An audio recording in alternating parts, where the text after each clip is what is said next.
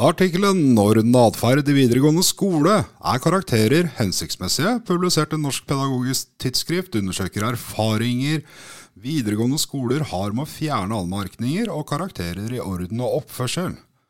Mitt navn er Anders Grydeland, og dette er Yrkesfagpodden, podkasten fra Kompetansesenter for yrkesfag på Oslo OsloMet. Med meg har jeg forfatteren av artikkelen. Det er eh, universitetslektor Liv Jorunn Byrkjedal Sørby. Velkommen. Tusen takk skal du ha. Veldig kjekt å få lov til å være med i denne podkasten. Og velkommen til deg også, Kjersti Taraldsen. Takk skal du ha. Veldig kjekt å få være med. Det er bra. Dere er begge tilsatt for Tilsatt ved, kanskje, Nasjonalt senter for læringsmiljø og atferdsforskning på Universitetet i Stavanger. Eh, nevnte jeg det ikke, men, men du Kjersti er jo uh, førsteamanuensis. Det, det, det, det, er viktig å få med. Uh, har dere lyst til å starte med å si litt om prosjektet deres? Ja, det kan vi godt gjøre. Uh, det var jo seks skoler i Rogaland eller Rogaland fylkeskommune, da, som ønska å ha en ny sosialdidaktisk praksis. Hvor målet var på en måte å få se på og stimulere elevenes helhetlige sosiale handlingskompetanse, eller selvdanning. Kanskje litt sånn vanskelige ord å se på, men det handler jo om dette med den sosiale utviklingen til elevene. Og de mente jo at karakterer i orden og atferd ikke fremma den sosiale kompetansen til elevene. Så Derfor så hadde de lyst til å gå inn i et forsøk uten karakterer i orden og atferd. Dette har de søkt uh, Blir det Kunnskapsdepartementet eller blir det Utdanningsdirektoratet som et pilotprosjekt, stemmer ikke det? Det stemmer det, de søkte Utdanningsdirektoratet. Du nevnte selvdanning. Vi, vi, er jo kjent med at skolen har et dannelsesoppdrag. Eh, er det noe forskjell på danning og selvdanning? Selvdanning og danning? Nei, jeg tenker at selvdanning og danning går mye hånd i hånd. Ja. Hva tenker du, Kjersti?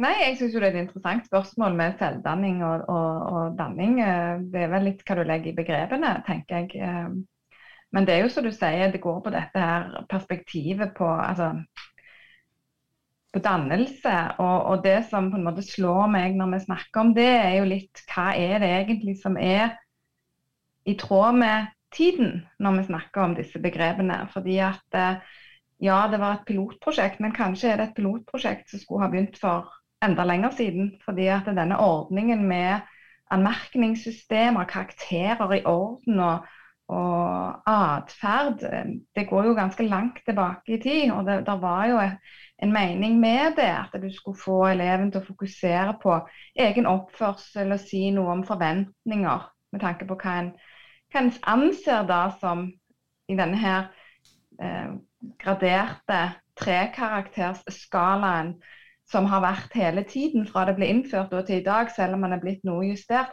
Hva forventes egentlig av Eh, det vi kaller for normal dannelse da, i en skolekontekst. Så jeg må jo si at jeg syns det er på høy tid at eh, det er satt i gang evalueringer. Det er et system som det er forska lite på fra før av. Og det er vel i grunnen et system som vi nok ser at vi kan stille en del konstruktive spørsmål til. Ja, og det skal vi gjøre. Men jeg lurer litt mer på de skolene. Det er seks skoler. Er det, er det Uh, yrkesfagskole, eller er det blandingsskoler, eller er det studiespesialskoler? Dette er blandingsskoler som har vært med i prosjektet. Driver både med yrkesfag og studiespesialisering. Ja. Uh, du var kanskje litt inne på det, Kjersti, men, men uh, hva var bakgrunnen for at skolene ønska å fjerne karakterer for orden og atferd? Skolene så at uh, dette slo skjevt ut for ganske mange elever. De så at de hadde en forskjellig praksis fra lærer til lærer, fra klasserom til klasserom. De så at det varierte fra skole til skole. Noen lærere satte anmerkninger, andre gjorde det ikke. Og det var ingen sånne objektive kriterier for hvordan en skulle sette disse anmerkningene, og hva tid og hva slags atferd som skulle føre til anmerkning. Så Derfor så følte de at det egentlig var en urettferdig ordning. Og de så at det kanskje spesielt slo skjevt ut for yrkesfagelever, hvor denne karakteren betyr ganske mye for om de får læreplass, og dermed et fagbrev. Og Derfor ønska de å gå inn i en sånn en ordning for å fjerne disse karakterene. Hvorfor har det så stor betydning for om elevene får læreplass? Det, det, det var en av informantene våre, en elev, som sa det sånn. Hvis jeg får et hormonutbrudd en dag, så er det for dumt hvis jeg da får en anmerkning, og så får jeg nedsatt karakter pga. det at jeg har en dårlig dag, at jeg ikke har det så enkelt. Og så, så resulterer det i at jeg ikke får læreplass. Dermed får de ikke fagbrevet, de kan droppe ut av videregående. Og de kan eh, risikere ja, ikke få jobb, hvis du setter det veldig på spissen da. Men, men det er jo faktisk det som er realitetene. Ja. Eh, litt sånn tilfeldig praksis med, med, å sette anmerkninger. Eh, hvordan er det med å sette ned karakter i ordinalferd? Er det har dere vært borti det, om det er sånn fem anmerkninger eller ti anmerkninger, eller er det også litt tilfeldig lærerpraksis, kanskje? Ja, det har jo òg vært tilfeldig hvor mange anmerkninger som skal gi nedsatt karakter. Og dermed så blir jo det òg slår urettferdig ut for elevene. Så kan en si hva lærer elevene av å få en anmerkning? Ja, hva lærer de av det? De lærer at de får straff hvis de gjør noe dumt. Ja. Rett og slett. Ja. ja.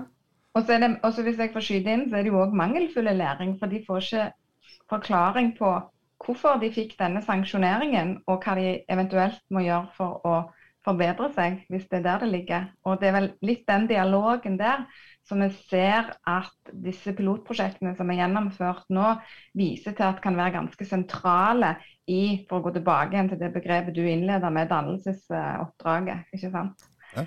Og vi ser jo i fagfornyelsen òg i hvor stor grad eh, sosial, det sosiale og faglige knyttes sammen nå. sånn at hvis en tar inn det òg, så, så, vil en jo kunne si at eh, i, i, vår tid da, så vil jo en sånn type relasjonsfremmende dialog kunne bygd opp den kompetansen og forståelsen hos, eh, hos, elevene til å kunne da forstå hvorfor de eventuelt får de tilbakemeldingene de gjør, men òg da eh, endre eller justere hva de må gjøre for å, å, forbedre situasjonen. Ja, for det skriver dere jo i artikkelen, at, eh, at det systemet med både anmerkninger og karakterer, orden og oppførsel ikke representerer elev- og læringssynet som uh, følger av fagfornyelsen? Det er, eh, det er voldsom påstand, er det ikke det? Ja, men det, det er jo òg eh, en påstand som på en måte ikke vi fremmer, men som fremkommer av data. Nå skal det sies at Det er jo to rapporter som er kommet fra Læringsmiljøsenteret på dette. Det var en i 2017, og så var det denne i 2019. Og så har Liv Jorunn og jeg eh, skrevet artikkel på særlig den kvalitative delen, og, og spennende funn der. fordi vi vet jo at gjennom disse spørreskjemaene som som ble gjort i begge de to andre rapportene, så, så var det liksom noe varierende, eh, disse svarene som fremkom. Men det viste En så òg at eh, det, var, det, var, litt eh, var, de var ikke kommet, Skolen var ikke kommet nok i gang, gjerne. Hadde ikke tid til et viktig perspektiv her. De hadde ikke kommet nok i gang til å innføre alternative ordninger. Og det er vel der jeg og Liv Jorunn kommer inn gjennom disse kvalitative intervjuene som vi har gjennomført, med noen forslag til hva skolene sjøl sier at kan være veldig gode alternativ. Men det er utfordringer med de alternativene òg. Ja, for, for, det lurte jeg på. Hva, hva, hva, hvis man tar bort én praksis, så har man vel kommet en ny praksis. Eh, hva var det? I første steget vil jo være å fjerne eh, ordinær praksis. og Da er det jo ikke alltid at det kommer noe nytt med en gang, for hva skal inn? Og det var vel Noe av de kritiske stemmene pekte på, var nå har jeg ikke redskapet mitt lenger til å gi en tilbakemelding. Så nå må vi begynne å tenke helt nytt. Og Det viste seg jo òg i dataene våre at de skolene som hadde jobb, jobbet noe lenger med denne forsøksordningen. For av de seks skolene så var det litt ulik, ulik varighet av eh, prosjektperioden. Så de som hadde fått lov å jobbe litt lenger med det, hadde òg kommet lenger i prosessen med å utvikle alternative praksis. Og det var helt tydelig at det som var sentralt i denne, det var det vi har kalt for relasjonsfremmende dialog. For vi ser jo òg det i læringssynet som preger, preger skolen og, i dag. Så er det jo dette med å gode, trygge relasjoner, ja, mellom elever, men òg gjennom elev og lærer, er utrolig viktig. Og et godt utgangspunkt òg for faglig læring. Så, så, at, eh, sånn sett er det kanskje ikke så overraskende funn at relasjonen er noe av det, og den dialogen med tilbakemelding. Så feedback eller tilbakemelding er jo noe vi vet er veldig viktig òg for motivasjon bl.a. i skolen, men òg når det gjelder orden og, og oppførsel. Mm. Og Den nye læreplanen den sier jo at faglig læring ikke kan skilles fra den sosiale læringen. Da handler det litt om hva skal ligge i bånd her. For Vi vet jo at en god relasjon mellom lærer og elev, sånn som Kjersti sa, virker motiverende på eleven. Så når rett og slett eleven liker læreren, så har de en større innsats på skolen, og de blir mye mer motiverte. Og I neste omgang kan jo dette være med å hindre drop-out. Fordi at de opplever at det er en lærer som bryr seg om dem. Og Et av funnene våre var òg, så de sa, elevene sa at når, når de får en god relasjon til læreren, så tør de òg å komme til læreren med andre ting som er vanskelige for dem i livene deres. For vi vet jo at på videregående skole så er det masse som skjer i ungdommene sine liv. Det er ikke alltid så enkelt å være ungdom. Og eh, det å kunne snakke med læreren sin om andre ting òg som blir vanskelig, det er ganske essensielt for dem.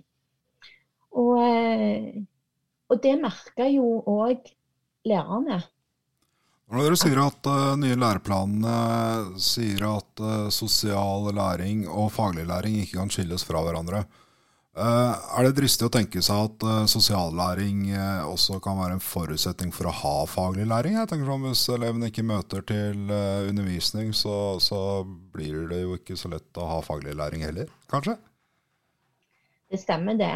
En re god relasjon i bånd, det er utrolig viktig for faglig læring. Og Samtidig med en god relasjon i bånd, så er det jo òg viktig at lærerne har krav, tydelige krav og forventninger. Og tydelige krav og forventninger òg til atferd. Så det er ikke det at de ikke skal ha det, at det skal, ut, at det skal være fri flyt nå. Men en skal, skal, fortelle elevene hva er våre krav og forventninger.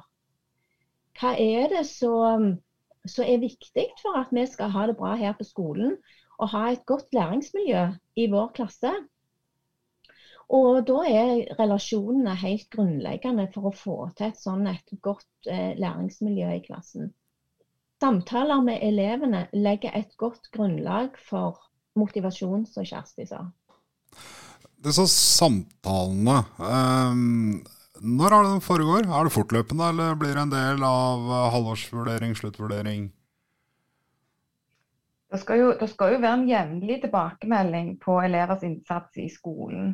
Eh, du peker nå på et ganske sentralt poeng hva gjelder utfordringer med alternative praksis. fordi du kan si Ingen av de skolene som var med i det prosjektet vi har gjort her, nå har Møreforskning òg drevet frem et prosjekt og skrevet en masteroppgave på dette. her, og Der, der ble det forsøkt på VG1 i ett år. Den skolen gikk tilbake igjen til ordinær praksis da, i etterkant sannsynligvis vil jeg tenke da, av, av mangel, og det, det skriver forfatteren av rapporten, at, at tid, tidsperspektivet var for kort.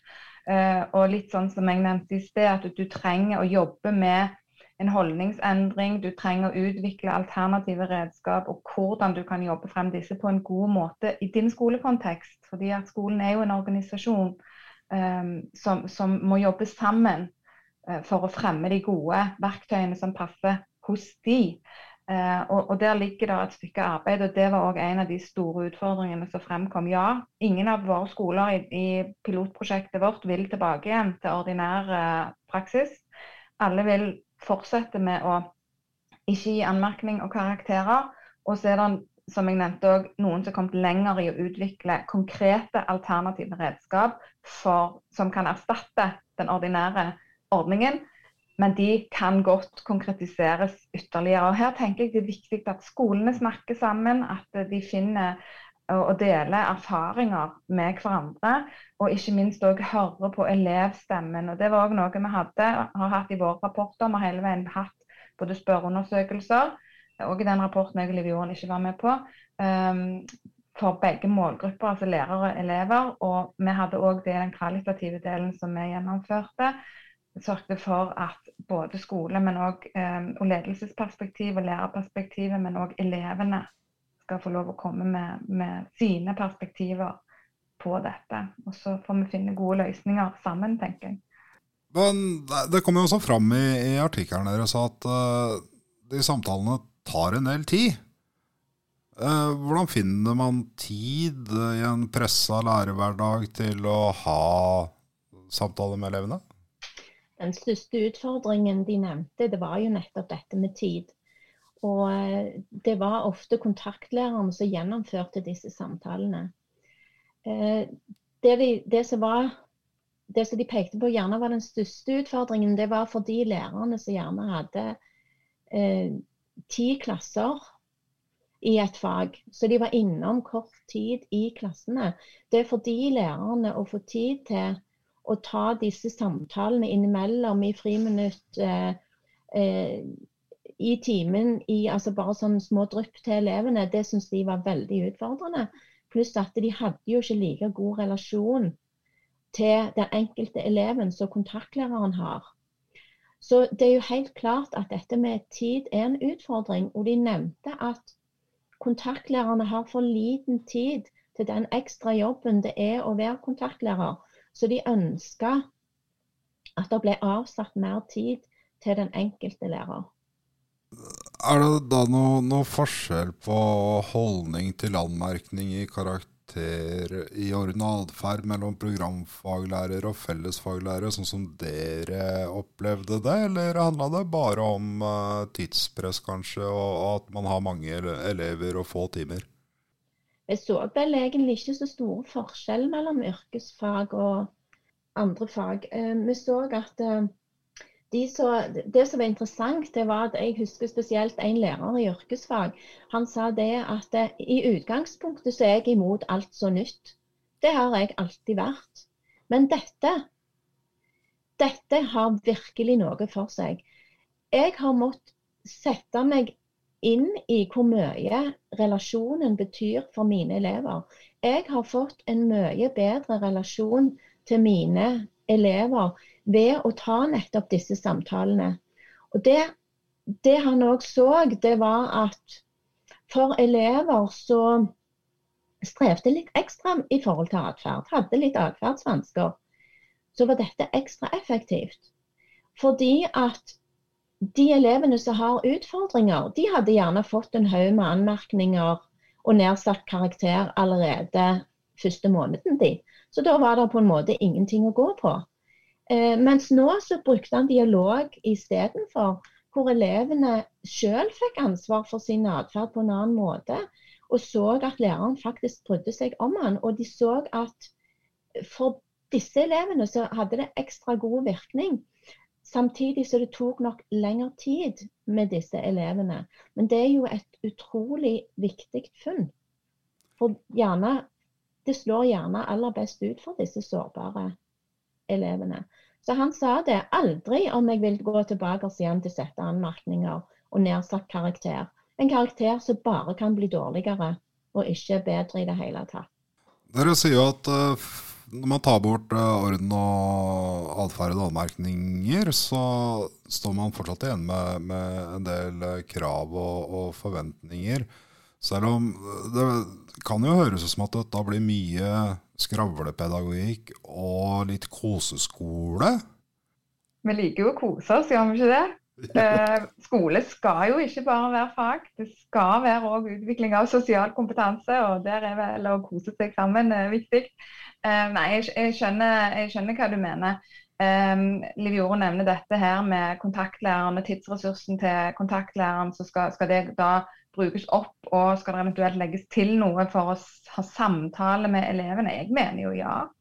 Uh, hvis du ser utviklingen innen skolen, hvis du ser, for, ser fagfornyelsen, hvis du ser for deg Ludvigsen-utvalget og deres vektlegging av sosial og emosjonell kompetanse, og at det må inn eh, på timeplanen Vi er i en, uh, en tid hvor vi ser verdien av det som du kaller nesten kosesamtale her. Men, men, det, med, det som vi har kalt for relasjonsfremmende dialog, så, så, gir deg det perspektivet som forhåpentligvis da kan bedre deg eh, og finne dine styrker og, og, bli mer observant på dine svakheter, så du vet hva du kan jobbe med. Så skole er ikke bare fag, og jeg tror det er viktig at vi begynner å ta det på, på alvor eh, i den tiden som vi, som vi, faktisk er. Hvem er det vi har lyst til å danne, og hvordan skal det dannes. Mm.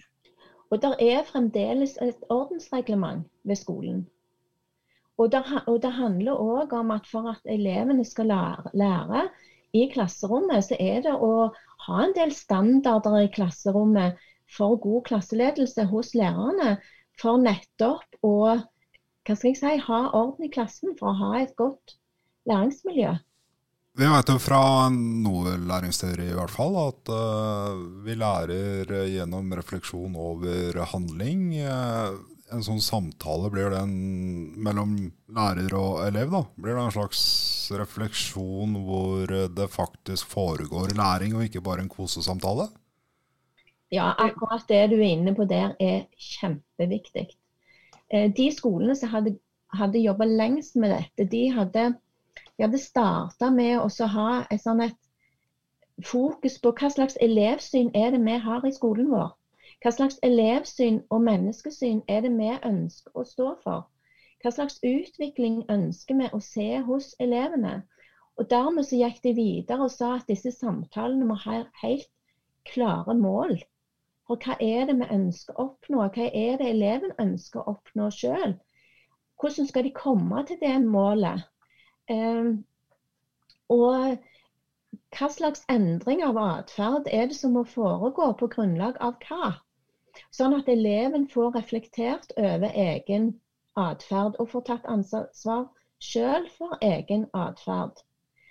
Ehm, og med at eleven vet at dette vil bli fulgt opp i etterkant med en ny samtale. Hvordan går det nå?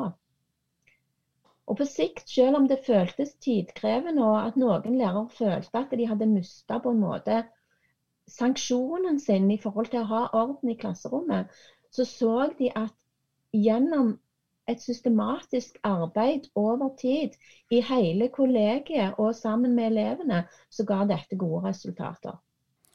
Helt til starten så nevnte dere at uh, orden og atferd eh, eller orden og oppførsel var eh, viktig for eh, lærebedrifter og, og de som skal ansette lærlinger.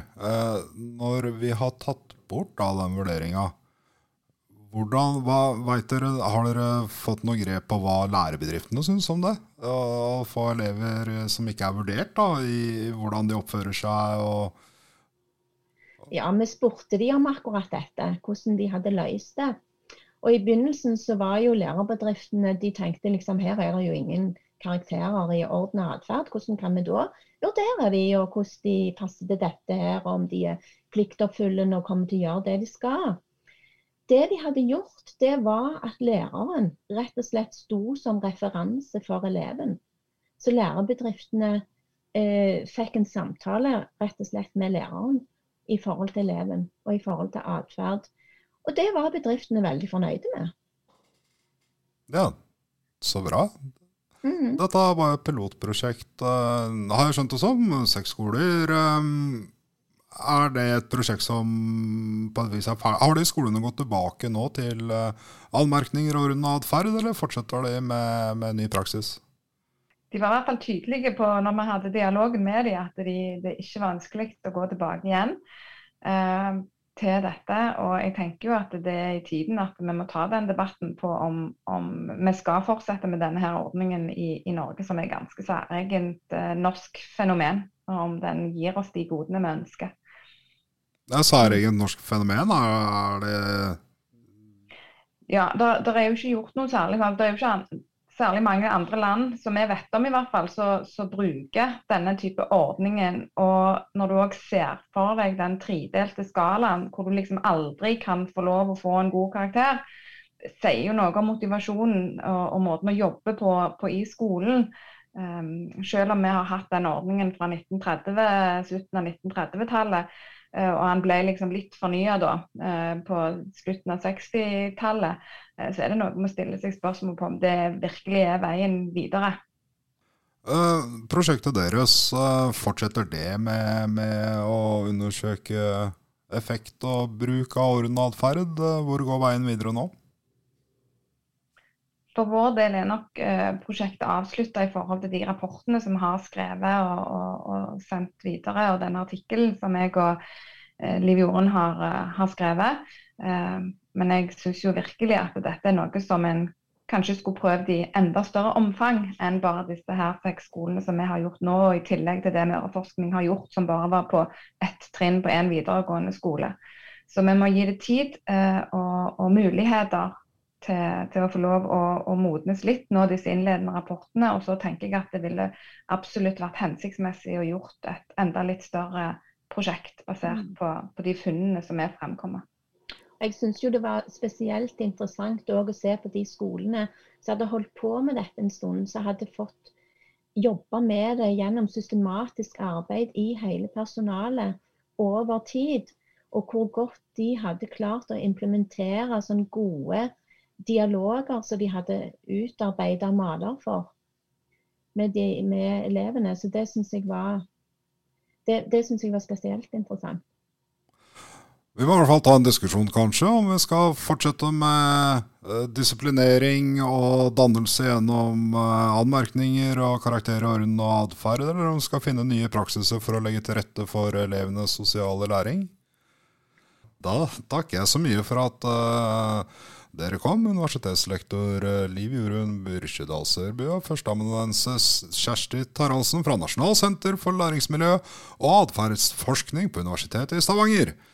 Dere finner en eh, lenke i artikkelen i episodebeskrivelsen. Om dere vil diskutere artikkelen eller ordne atferd, eh, anmerkninger eller annet relatert til yrkesfagpodden, så er det fullt mulig å finne Yrkesfagpodden på Facebook